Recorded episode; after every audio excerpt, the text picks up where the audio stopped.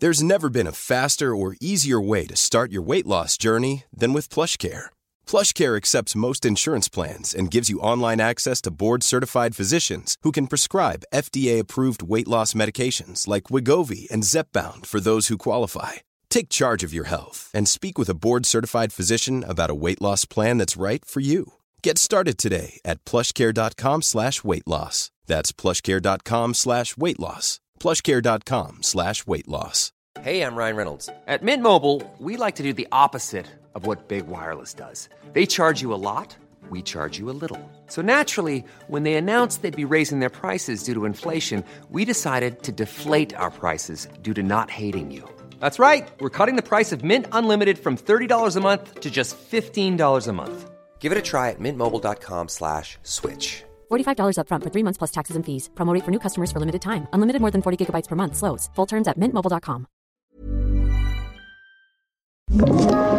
Podplay.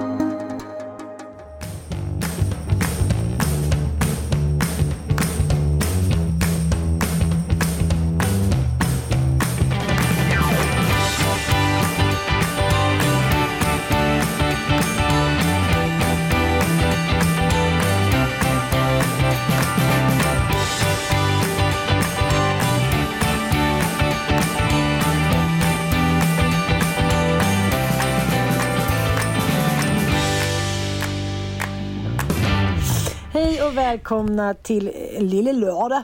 Äntligen så gör du själv för namnet. Du är. En Köpenhamn. Det borde ju ut vara du som är ute och resa. Ja. Men, Alltså du är så självmord på alla. På mig. Min dåliga, dåliga låtsasdanska. ja, tycker Nu, jag. nu var jag ute och fär. Men du är i, hemma i Stockholm. Så, I byen.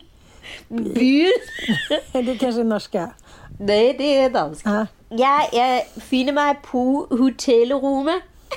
Ja. Som jag trodde var lyxigt bara för att jag såg lite marmor. Men nu ser Ja, jag exakt. gardinerna.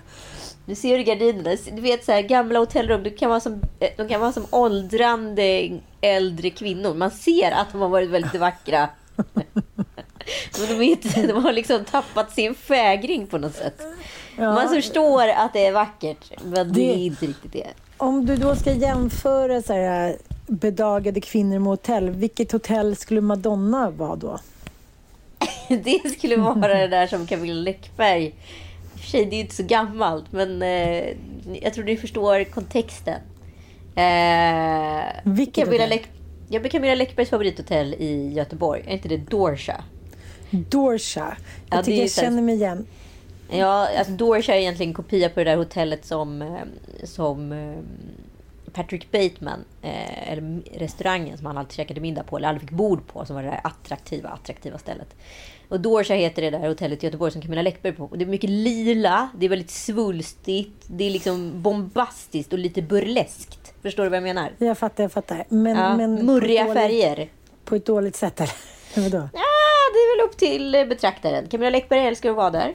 Eh. Och jag skulle säga att det hotellet eh, ser, påminner lite om en, om en nu 60 plus 62-årig Madonna. Nej, men jag har tänkt på det där nu om, om, om Madonna i hotellet Dorsia. Så, så är det ändå märkligt att hon alltid kommer undan med allt hon gör. Hon kanske blir liksom, får ligga i någon sån här skampåle men hon blir aldrig hängd i galgen. Och jag tänker så här med hennes superunga kille som är 25 eller 26 och hon är 62. Nej men det är så fine and dandy för det är Madonna och hon ska ha en ung kille som gillar snuskis. Och hon har alltid varit en snusktant. Hon var ju snusktant när hon var 30. Varför Ja, får hon vara snusktant när inte någon får vara snuskgubbe då? då? Ja, nej, men det här är ju spännande med Madonna för jag tänker väldigt mycket på hur samtiden påverkar människor. Idag kommer vi bland annat prata om Spice Girls eh, dokumentären också som går på SVT. Hur samtiden gjorde saker och ting legitima på olika sätt. Madonna var ju en tidig pionjär. Hon var egentligen tio år innan Spice Girls när hon släppte boken Sex som egentligen var en porrbok där Madonna hade sex med olika typer utav eh, fotomodeller och eh, popartister. Vanilla Ice är med i boken bland annat. Mark Wahlberg tror jag. Eh, Naomi Campbell För att nämna några. Och hon är ju liksom, hon sitter ju helt liksom, alltså med särade ben och blir liksom, får oralsex och allt det här är porträtterat då utav eh, en känd modefotograf. Där har vi, där har vi förklaring ett.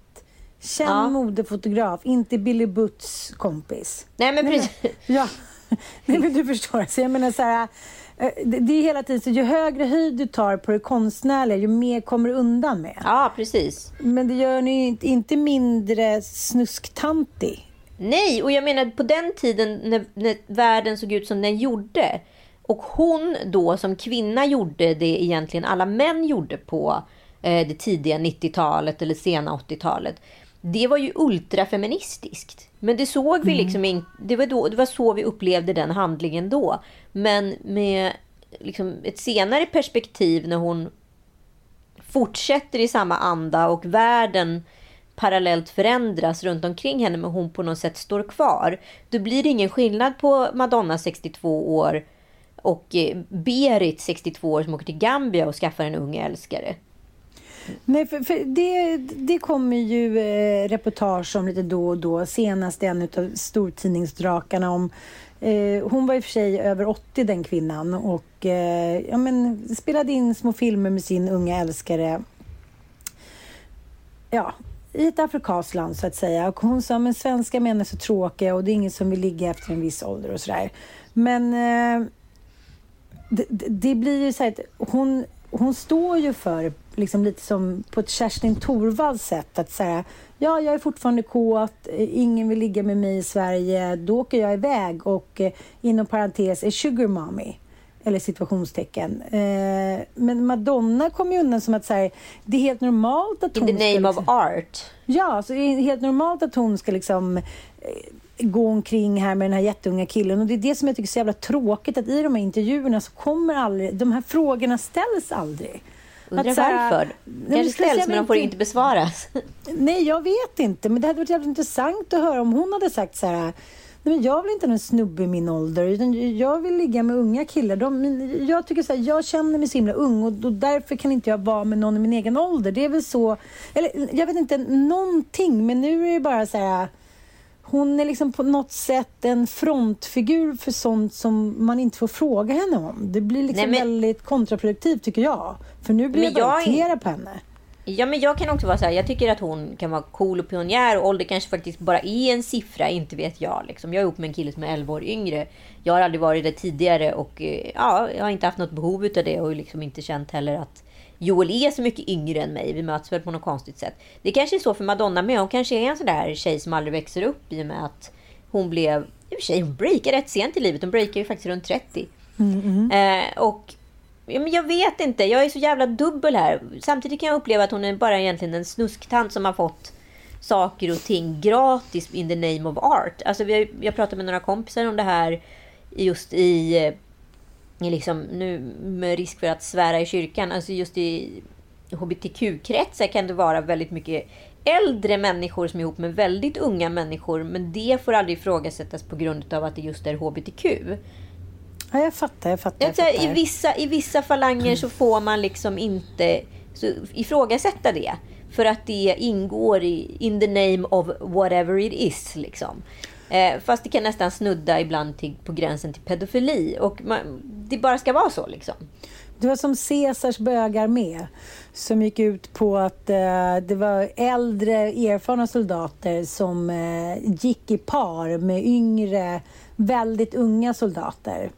Så att de här uh, unga killarna skulle känna sig trygga och skulle känna så här... Jag men, jag men, att de här männen, så att de fick ligga med dem då och de skulle på något sätt... Uh, ja, på något sätt genom det, eh, genom knulleriet och tryggheten att ha en äldre farfar då bredvid sig armén så skulle de då eh, uppbringa mer mod under, eh, ja, de olika små krigsutbrotten och så här. Och eh, det funkade ju väldigt bra enligt historien då. Att de var väldigt framgångsrika. Men det var också ännu ett skäl för, liksom en ursäkt för pedofili som, som var väldigt utbrett just där då. Ja, och det, det skulle inte heller ifrågasättas för att det var ju också något... Jag vet inte, jag, det står liksom... jag, jag, känner själv att jag far mellan liksom, åh hon kanske är en pionjär av sin tid eller är hon bara en vanlig snuskkärring som har fått göra saker legitimt. Alltså det är väl inte så att kvinnor inte kan ha stora sexuella behov och försöka få det legitimerat precis som Fråga män har försökt farmor fått... Inga. eh, Fråga farmor Inga. Sånt du fick höra på begravningen. Enligt sägnen. Farmor Inga hade ju många älskare. Din farmor Inga. Ja. Hon med skägget. Inga Söderlund. Ja, hon med skägget. Ja, på den tiden var det inte så noga. behövs ingen silikon för att få ligga. Hon hade unga kavaljerer. Unga kavaljerer. Jag ska inte nämna hans namn, men det här var en yngre kavaljer. Som hon var uppe och då. Eh, hon kunde ju... Eh, mycket svårt för att gå ut. Hon kunde knappt gå. Men när hon tittade bort så sprang hon för trappan och köpte sin lilla whiskypinne. Hur som helst, hon eh, hade en kille och eh, enligt då sägnen, eller enligt släktsägning så eh, dog Ja, han fick en hjärtattack eller en hjärtinfarkt un, un, under älgskog, som farmor sa. Och eh, han försvann ju då och hittades tydligen i garderoben. Hon hade fått panik. Hon hade väl... Det är så absurt. Det, det, är så absurt, men det är tydligen sant. Ja, gode gud. Så Vadå, hon hade gömt sin älskare i garderoben som hade fått en hjärtinfarkt. Hur länge låg han där? Ja, det, det, det är där hon tvistade lärde. Men, men det här var någonting som senast tog upp på, på min fars begravning. Att, Upptäcktes det genom att det luktade? Eller trillade hans sonika ut vid när likstelheten inklev? jag, tror, jag tror att det, de undrade väl var han vore, hans släkt. Hans lek. Ja. Och då började de med att titta i Igans garderob. Eh, Jag får återkomma om den här. Men, men jag, jag, Det här är ändå rafflande, Ann ja, det är Söderlund. otroligt rafflande. Vad Och- är detta för något? Nej, det här är vet. fantastiskt. Det är ju en fars, det hör du. Ja, det är en fars. Men, men jag, jag, jag tycker att det är så roligt. Ja, jag tycker det är så roligt som i, i början då på nya serien Skandiamannen om, eh, om Stig Engström så står det så här, det här, alltså de vill påskina då att så här, han har inte blivit dömd så det här är ju bara liksom, ja det här är ju bara en eh, ett En berättelse om en... Om en Precis, och det är inte, liksom, han är inte utpekad. Och sen går det tre sekunder så skjuter, så skjuter Stig Engström Palme. Ja. Så att redan där så blir det lite så här, oj, vilken chans man fick att själv ge sig en bild av om det var han som sköt Palme eller inte. Och jag tänker att det är samma, eh, samma eh, liksom, sak här nu med farmor Inga så kanske jag eh, hon kan ju inte försvara sig. Nej, Så jag tack och kanske lov måste- säger jag. Ja, så jag kanske måste återkomma. Men, men eh, hon var ju väldigt speciell och hon eh, levde ju sitt liv enligt egen, eh, ja, i egen favör så att säga. Eh, hon, eh, ja, hon följde sina drifter och det var Sigge Pillis, Bingolotto, Karaslokar. Och ett nyp. och ett nyp. Det är ju mycket familjehemligheter. Vem är det mer som har skrivit bok? Jo, Neurath har ju skrivit en, en bok om alla dessa familjehemligheter. Nu är det lite mer så här... Hur kunde, det är så många familjer som har levt i skuggan av saker som idag är ganska normaliserade. Liksom. Ja, jag håller på att läsa Carolinas bok just eh, nu faktiskt. Det är väldigt spännande. Och det här blir också så här, det är någonting som blottläggs också med de här, eh, vad ska man kalla DNA-släktforskningsbankerna. Jag upptäckte själv i mitt eget familjeträd att allting kanske inte stod helt rätt till. Eh, vill inte gå in på några detaljer, jag ska prata med anhöriga först. Men eh, mycket spännande, mycket spännande. Jag tänker att det, det, här, det är liksom allt som har gömts i snö, inklusive Madonnas snuskerier. Eh, det kommer ju komma upp till ytan och helt plötsligt så, så, så ska man förlåta, ska man döma, ska, hur ska man agera runt det här? Det är det här som jag inte blir riktigt klok på. För det är ju också svårt att döma historien med nya ögon. Jag sitter precis och kollar på den här Spice Girls-dokumentären på SVT som är... Jag måste säga att den är otroligt bra. Alltså den är otroligt bra. Jag har ju bara sett första avsnittet. Men ut- utifrån ett liksom... Vad ska jag säga? Konstruktivt perspektiv så liksom... Den är byggd på ett fantastiskt sätt. De tar spjärn i en annan företeelse. Någonting som handlar om en casting för eh, filmen Tank Girl som var en känd manga-serietidning på 90-talet. Jag kommer själv ihåg att jag älskade Tank Girl och tecknade henne. Jag tyckte hon var så cool och rebellisk och hon var liksom rakad tjej som gick runt i supersmå korta shorts och hade jättebröst och knullade med en eh, känguru-man ute i öknen. Och, ja, men det, det var, det var... inga slängde i väggen! Yes, farmor inga slängde i väggen. Tank Girl was this really brilliant cartoon. She lived in Australia, she drove a tank, she shot everything up, she blasted her way through, who had inappropriate sex with kangaroos. It's a kind of 90s ladette. She was just mega cool. And for the film, they had open auditions. So what I'm going to ask you to do is introduce yourself and say something about yourself. Okay. My name's Victoria Adamswood. I'm 19. Um, I don't look at all right for this part, but I'm an actress. And then another girl who had a she had kind of red hair like that, and that was it was Victoria and Jerry. That's where they met. Hi, my name is Jerry, like Tom and Jerry, but spelled differently. I'm a jack of all trades. I've got a quirky sense of humour. Been chained down, down the gym, got biceps, and um, actress, presenter, and that's it.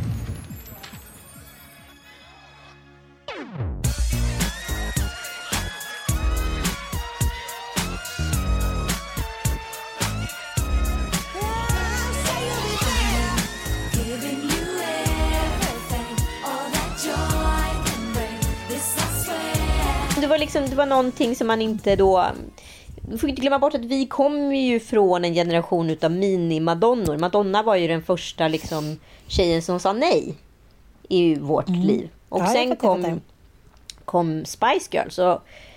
Innan Spice Girls så fanns någonting som hette postpunk i USA som jag var jätteinfluerad av. Eh, där fanns det band som Babes in Toyland, Pussy Galore, Veruca Salt, eh, ja, Sonic Youth. Alltså det var en stor rörelse utav do it yourself kvinnor och band där liksom inte tjejer, tjejer vägrade vara liksom en söt feature-sångerska som alla var. Om du lyssnar på 90-talslåtarna så är det alltid någon sån wow, wow, wow, tjej som står bredvid och ylar och, och så står tuffa killen och rappar.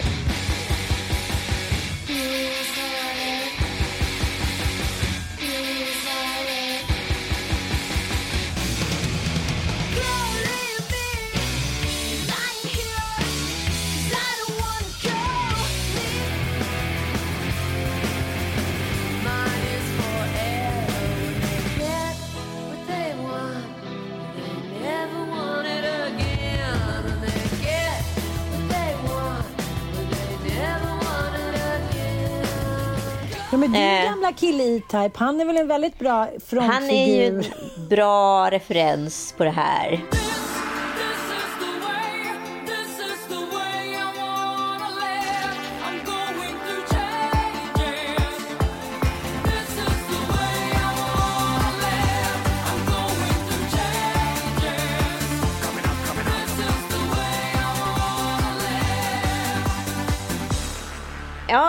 Så, så här lät ju musiken och så här var ju tidningarna och så här såg det ut. Tjejer fick gärna vara med men de skulle bara vara liksom snygga bimbos och som Café hade brimbos, tjejer med brains och looks.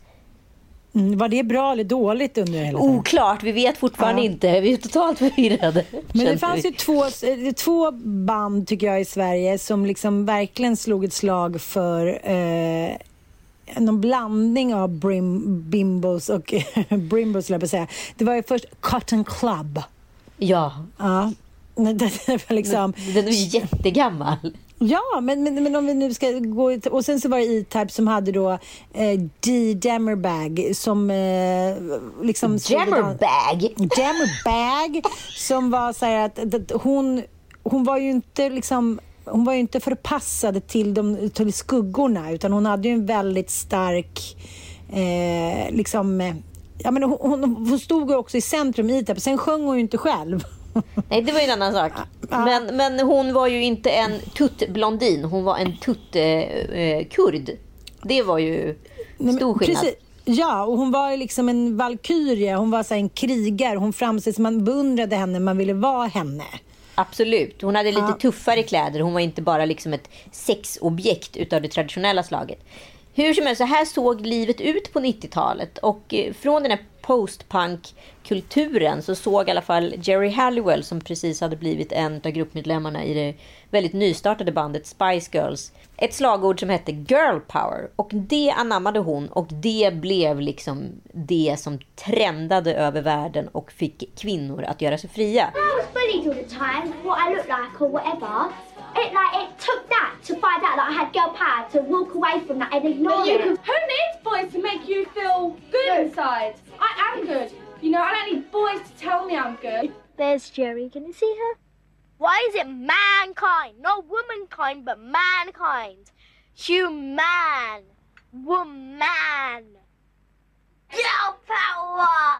Det Spice Girls gjorde på den tiden med de normerna, det är egentligen mycket mer kraftfullt än vad metoo någonsin var. För att världen var inte en plats för kvinnor. Vi kunde vara ironiska, man kunde skämta om oss eller med oss. Men vi skulle aldrig få en del i samtiden. Vi var alltid ett attribut. Liksom. Och det var det här som Spice Girls var inne och förändrade. Och efter Spice Girls så kom Fittstim och så kom metoo och så vidare.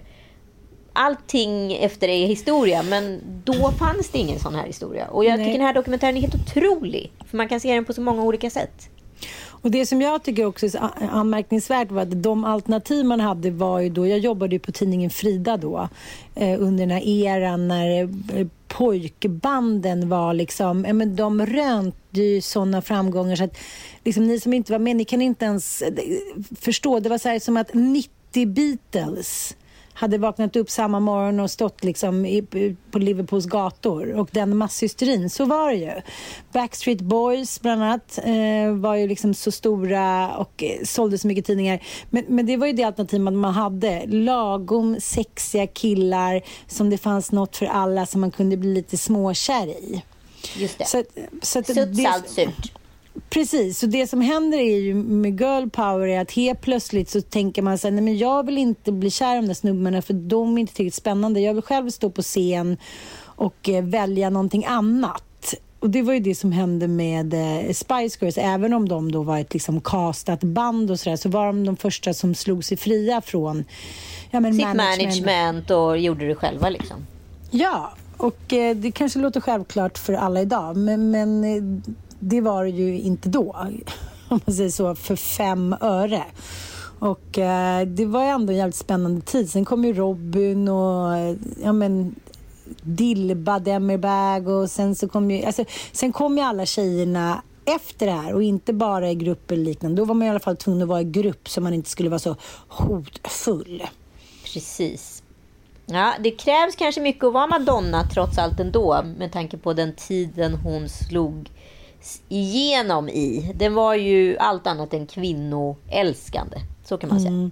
Och jag tänker också de tidningarna som fanns då handlade ju väldigt mycket om att männen skulle då eh, godkänna kvinnan som attribut. Alltid så här, har hon celluliter? Har hon tillräckligt med, med liksom, eh, är de där fula silikonpattarna på hon Jerry, bla bla bla. Så att det var ju också så här att man, det fanns ju ingen solidaritet utan det var helt okej att upp öppet klanka ner på sina medsystrar. Det är ju någonting som ändå har tagits ur, samt, liksom, ur samtiden. Idag så får du ju är nästan tvärtom. Att du får absolut inte, även om ingen får någonsin klankas på hur mycket fel den än gör. För människor gör ju fortfarande fel, även fast det inte är på 90-talet. Så att det, det är intressant. Då, det finns liksom aldrig någon liksom median eller mittemellan. Eh, det finns aldrig någonting där det kan finnas en liten balans. Det ska vara så jävla mycket antingen eller hela tiden på något sätt.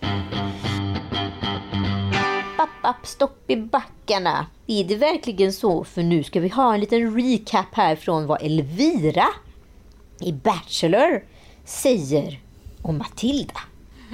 Kände, hur kände du på middagen? Du fick ju lite Jag frågor fick mot lite dig. grillning. Eh, jag fick ju bland annat det här med din kompis. Jag tänkte jag förklarar det också. Mm. Eh, jag vet inte ens hur nära kompisen jag är och det är verkligen så här. Jag vill vara så ärlig som möjligt och det är så här, jag hade inte ens behövt säga det.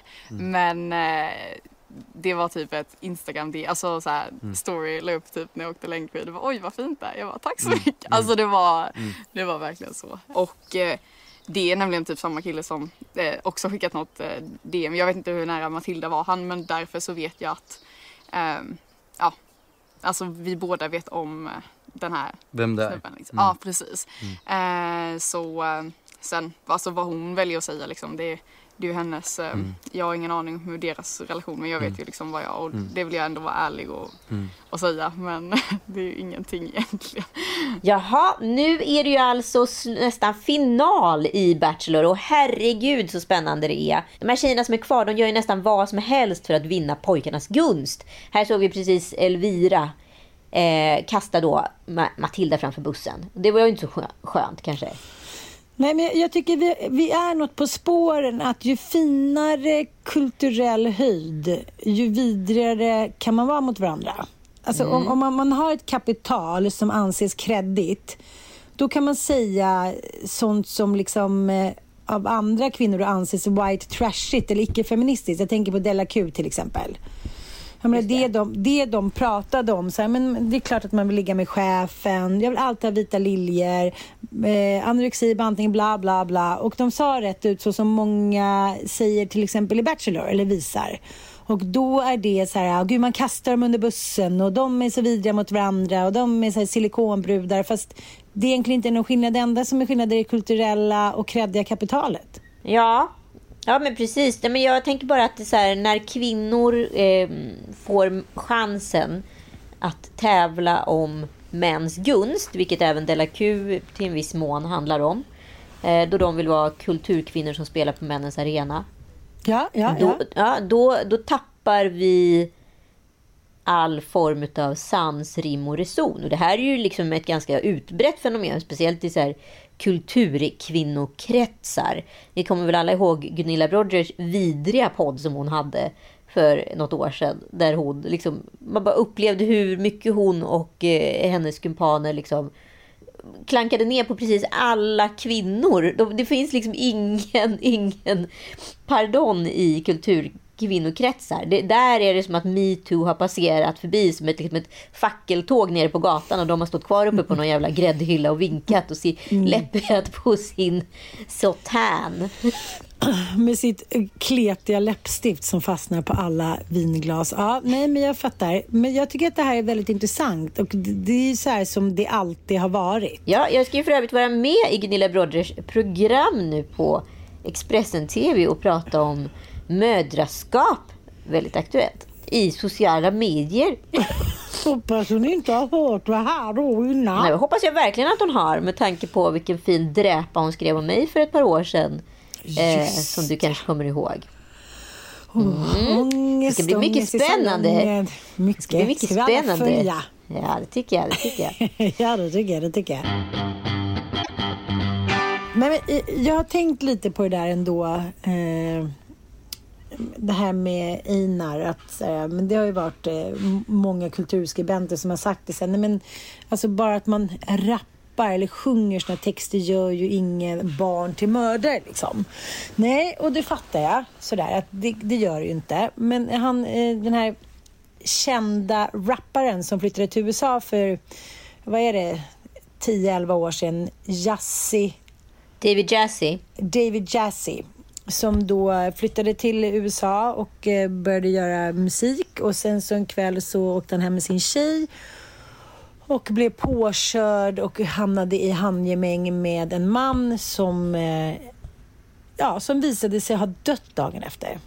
Hur som helst så fick han sitta i fängelse i tio år innan han blev benådad och han startade olika program där i, liksom, i USA, i fängelserna med ungdomar som, eh, ja, men som kom från gatan och som haft en jävligt jobbig uppväxt och som liksom, såklart eh, har varit med i gängkriminalitet och sådär. Och eh, de fick komma in i det här programmet och han sa ni, ska, ni får skriva texter och sånger men ni får inte använda någonting som är nedvärderande av kvinnor. Ni får inte skriva någonting om, eh, om skjutvapen. Ja, Eller ingen liksom, brottsromantik överhuvudtaget. Liksom. utan ni får skriva om det, varför ni tror att ni hamnat där och vad ni själva varit med om.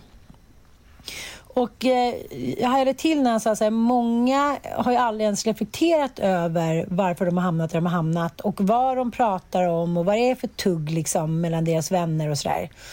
Och eh, han sa det, det är klart att en, en, en pojke som är så här, en välbärgad pojke som har det bra kommer ju inte gå ut och skjuta någon för att han hör liksom, ja men, hör en så här fjän, gängfientlig rap. Att säga, jag kommer skjuta, jag kommer knäppa dig och hos och hit och dit. Många av de här unga killarna och barnen som lever på gränsen i de här utsatta områdena och liksom i fattigdom och liknande, för dem kanske det faktiskt ändå kan göra det, att det normaliserar. Och jag, jag tänkte till så här igen att det är så här, vita medelålders journalister och tycker påare ska yttra sig om sådana här grejer. Och vi har ju för fan ingen aning om någonting. Nej, det finns ju en anledning varför Scarface och Gudfadern etc. är liksom ikoniska filmer i gängkulturen. Det är för att det handlar om fattiga människor som inte kom från någonting och så skapar sig en förmögenhet gjord på våld och kriminalitet och liksom inte hederligt arbete så att säga. Och för att det var den enda chansen de såg, den enda vägen ja. ut att, att ha det så. Ja, det, ja, det är ju jätte... Det, det, det, är klart man kan se korrelationen, den är inte speciellt svår. Och den är också jätteproblematisk för oss som sitter i glada liksom välbärgade medelklassen. Och kan ja, ja, men vadå, vi kan ju bara sitta och tycka och titta och tänka åh, och för, förfasa och så tycka att det där är fiktion. Men för väldigt många är det ju inte fiktion utan jävligt jobbig liksom, svärta och verklighet. Jag tyckte det var det som var väldigt finstämt i senaste Snabba Cash. Eh, just Alexandra Abdallas karaktär som verkligen mådde så jävla dåligt och hade så sjukt mycket ångest hela tiden. Mm. På grund av att han levde det liv han ville men inte såg heller någon utväg för att bryta det här mönstret. Och så slutade det som det slutade. För det mm. kan bara sluta på ett sätt. Så jag tycker den karaktären var väldigt välskapad utifrån det här gangsterromantiserande perspektivet. Mm, jag håller med dig.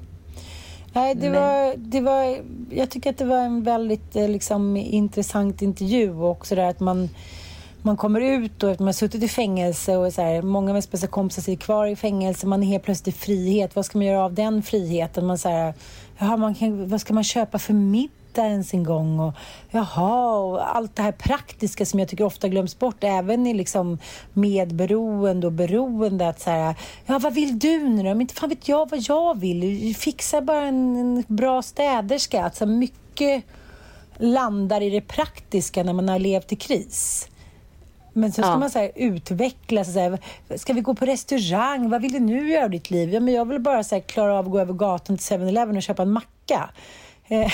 ja, och inte kastas in i det där gamla mönstret och gamla kontakter som liksom hela tiden pockar på. Ja, det vet man ju men... själv bara man har varit liksom, du ska inte dra några liksom privilegierade paralleller här, men har du liksom det där med att bryta, vi pratade ju lite för några poddar sedan om så här stammar, att man byter stam då och då. Liksom nu, har jag lämnat min gamla stam och går in i en ny stam. Och mm. hur den gamla stammen hela tiden pockar på och vill ha tillbaka en. Liksom. Mm. Vi ska inte glömma gamla polarna. Alltså den där mm. typen av genre. Den, de, de mönstren sitter ju kvar och man kan känna skuld. Och, ja, man vill inte vara för mer och så vidare. Och jag tror att de där, vad ska jag kalla det, rätt enkla psykologiska eh, dra, dramatiken, den kan liksom finnas i en och man kan lätt känna skuld. Men jag tänker också när jag tittade på den här eh, nya serien Skandiamannen som är eh, väldigt så här, fint porträtterad tycker jag, eh, liksom av 80-talet.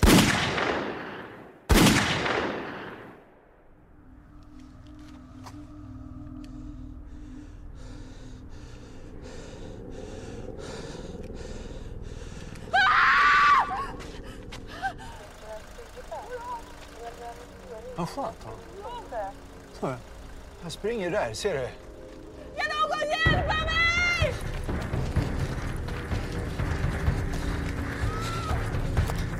Kan ni hjälpa mig? Han dör, han dör! Ja, ni får hålla på larma polisen nu. Jag har skjutit en kille nere på Sveavägen.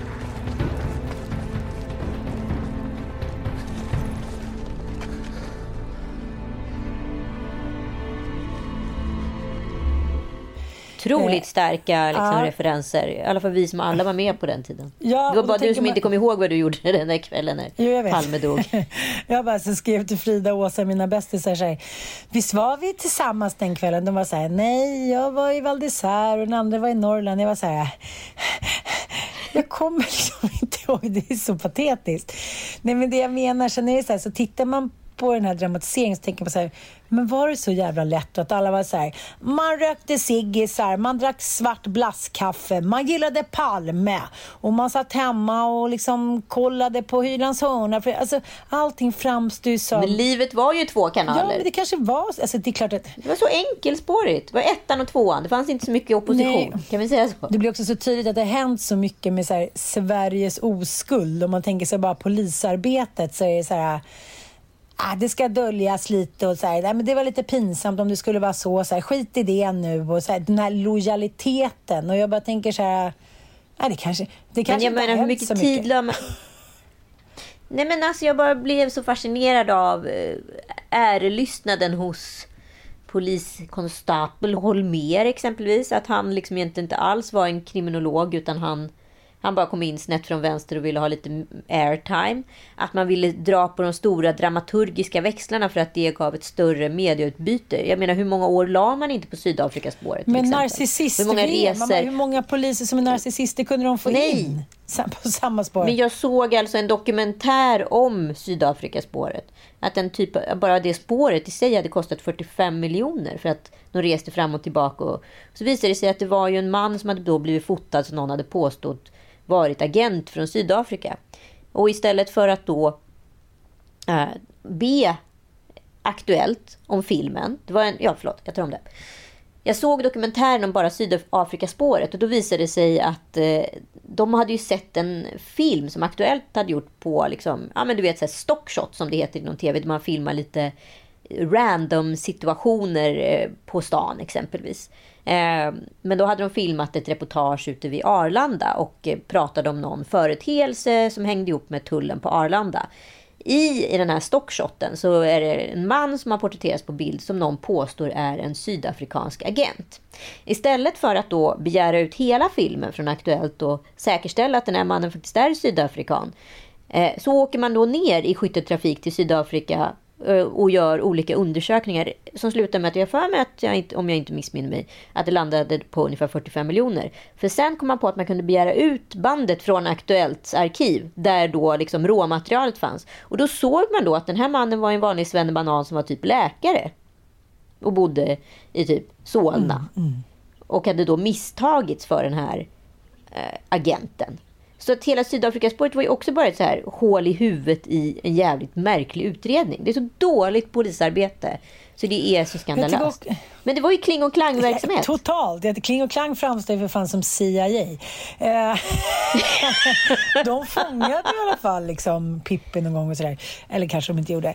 Nej, men jag tycker också att det är väldigt eh, spännande stilstudie av, av samtiden, folks engagemang. Idag om någon skulle bli mördad så är det klart att alla skulle engagera sig och skulle liksom ringa in och komma med ledtrådar. Men sen skulle ju det på något sätt gå över efter ett tag. Här är det så här, det var brev. Men de höjer ju samtidigt insatsen hela tiden. Vilket är helt sinnessjukt. Det är som att man vinner högsta priset på Lotto. Man kan så framea Palmes mördare. Vem skulle inte gått ut och blivit privatspanare? Förlåt ja, mig. Med Christer Pettersson, stackars tjate. Hans polare anger ja. dem sjunde gången. Som var så här, glöm inte bort att du skulle kunna få den här 40 miljonerna. Och nu när du säger det.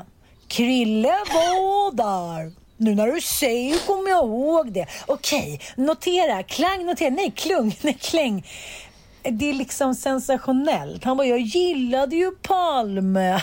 liksom, så här, äh, jag bara, bara, tänker så här, stackars Palmefamiljen. Och det kan jag också känna så här, Lisbeth, eh, fan hur kan de framställa henne? Liksom, vissa grejer tycker jag så här, they're still alive. Typ.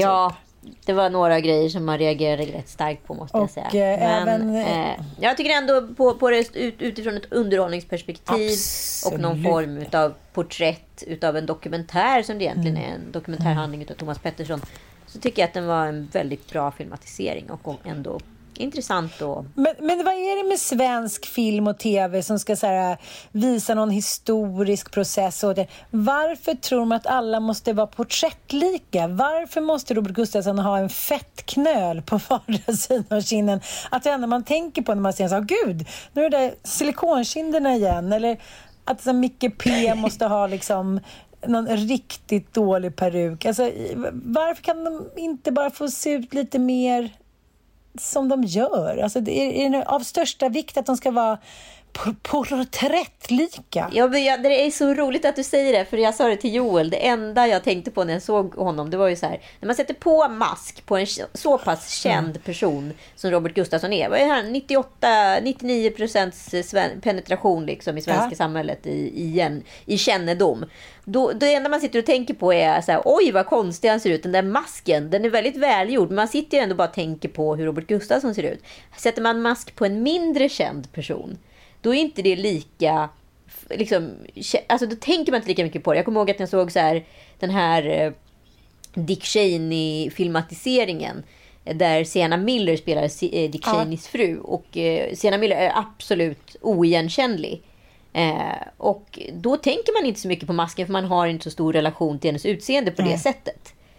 Nej, men har man en person som liksom Robert Gustafsson, då är det rätt svårt att liksom se honom gå runt där med en löshaka utan att tänka på att han är, när som helst kommer bryta ut i någon form av harkling eller hostande eller rosslande. Liksom. Sen måste jag ändå ge Micke P, nu, nu blir jag lite eh, jävel... Du är partisk i målet. Men det spelar liksom, han gör en Micke P av vad han än spelar.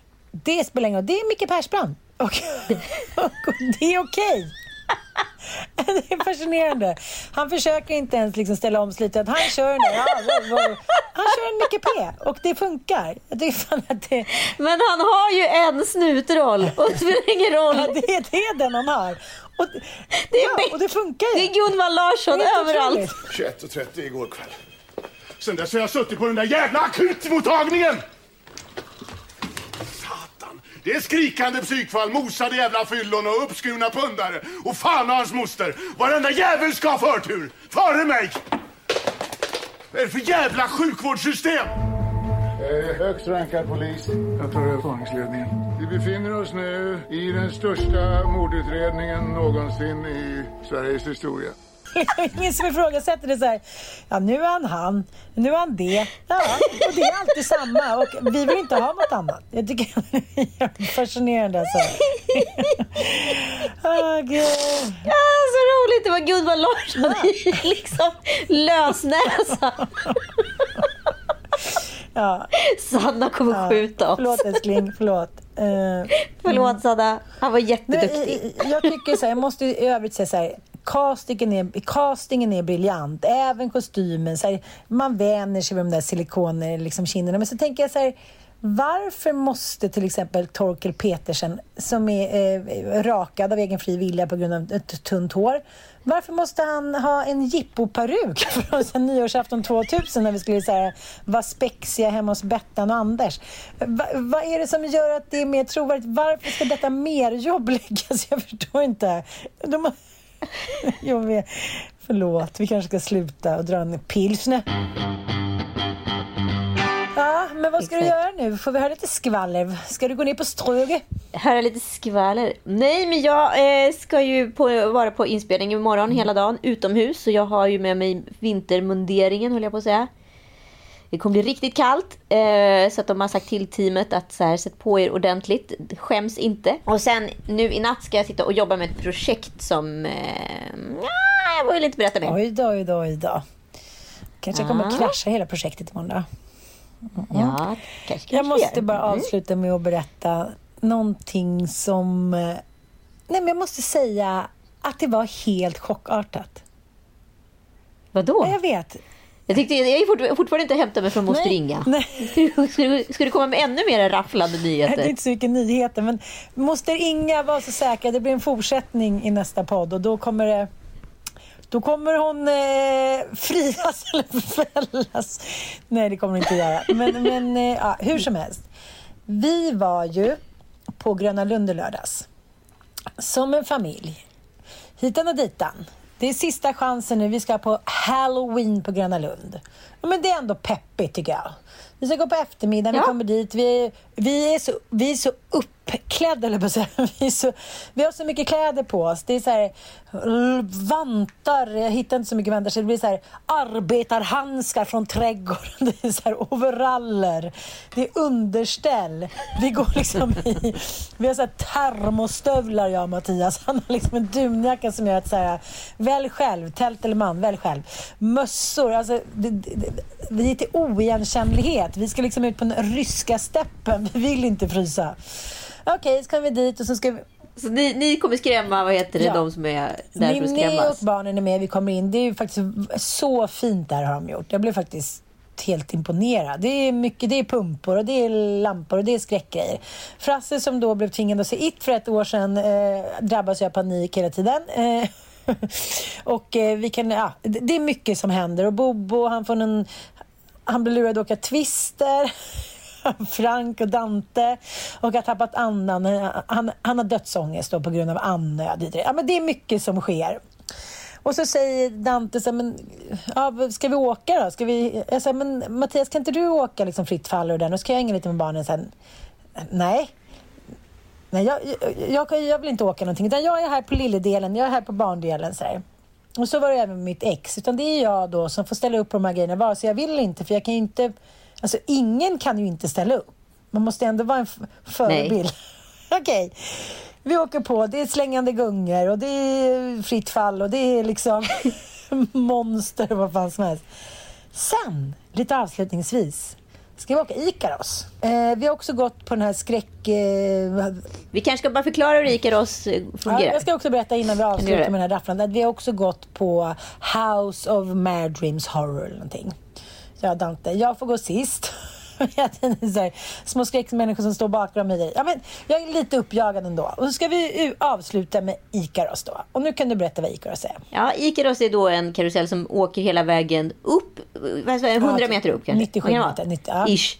90, whatever. Ja. Och sen så högst där uppe så vänder den då och bara liksom, då vänds då hela karusellekipaget så att du stirrar då rakt ner i backen. Mm. Och eftersom eh, ena sidan på Ikaros var sönder så såg man inte vad som pågick då när man stod i kö.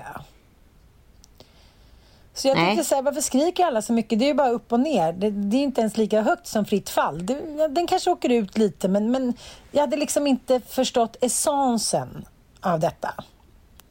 Mm. Vi sätter oss, jag har en jättebullig jacka då eftersom jag var, skulle ut på ryska steppen och en väska för att de får liksom trycka till ordentligt så att jag liksom ska få in om mormor Ingas mage typ. Nu har mormor Inga framför Ingas mage.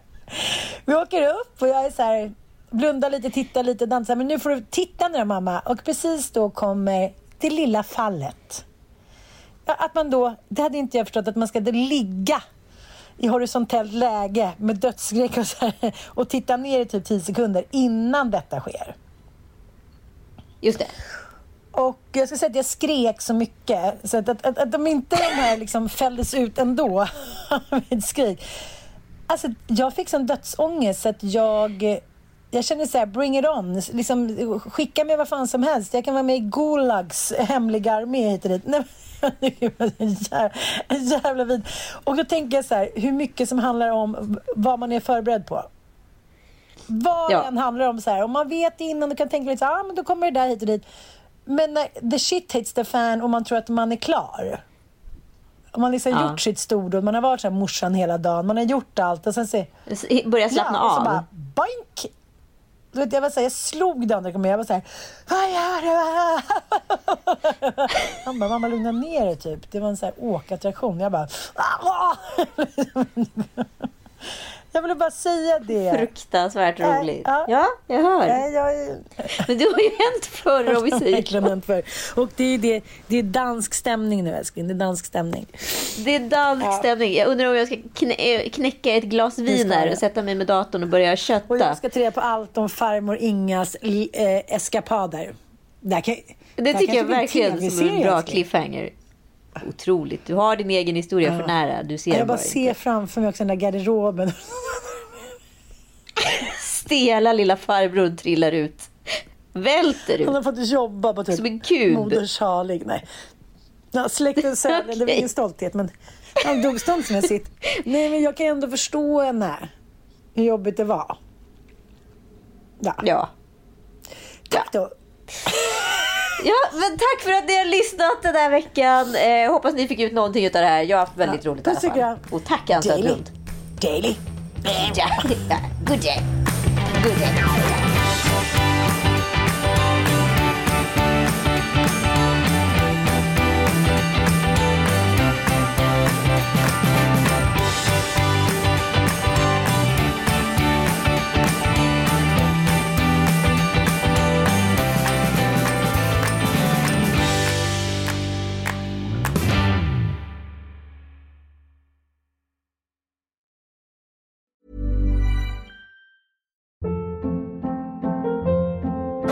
Hold up. What was that? Boring. No flavor. That was as bad as those leftovers you ate all week. Kiki Palmer here, and it's time to say hello to something fresh and guilt-free. Hello Fresh. Jazz up dinner with pecan-crusted chicken or garlic butter shrimp scampi. Now that's music to my mouth. Hello Fresh. Let's get this dinner party started. Discover all the delicious possibilities at hellofresh.com.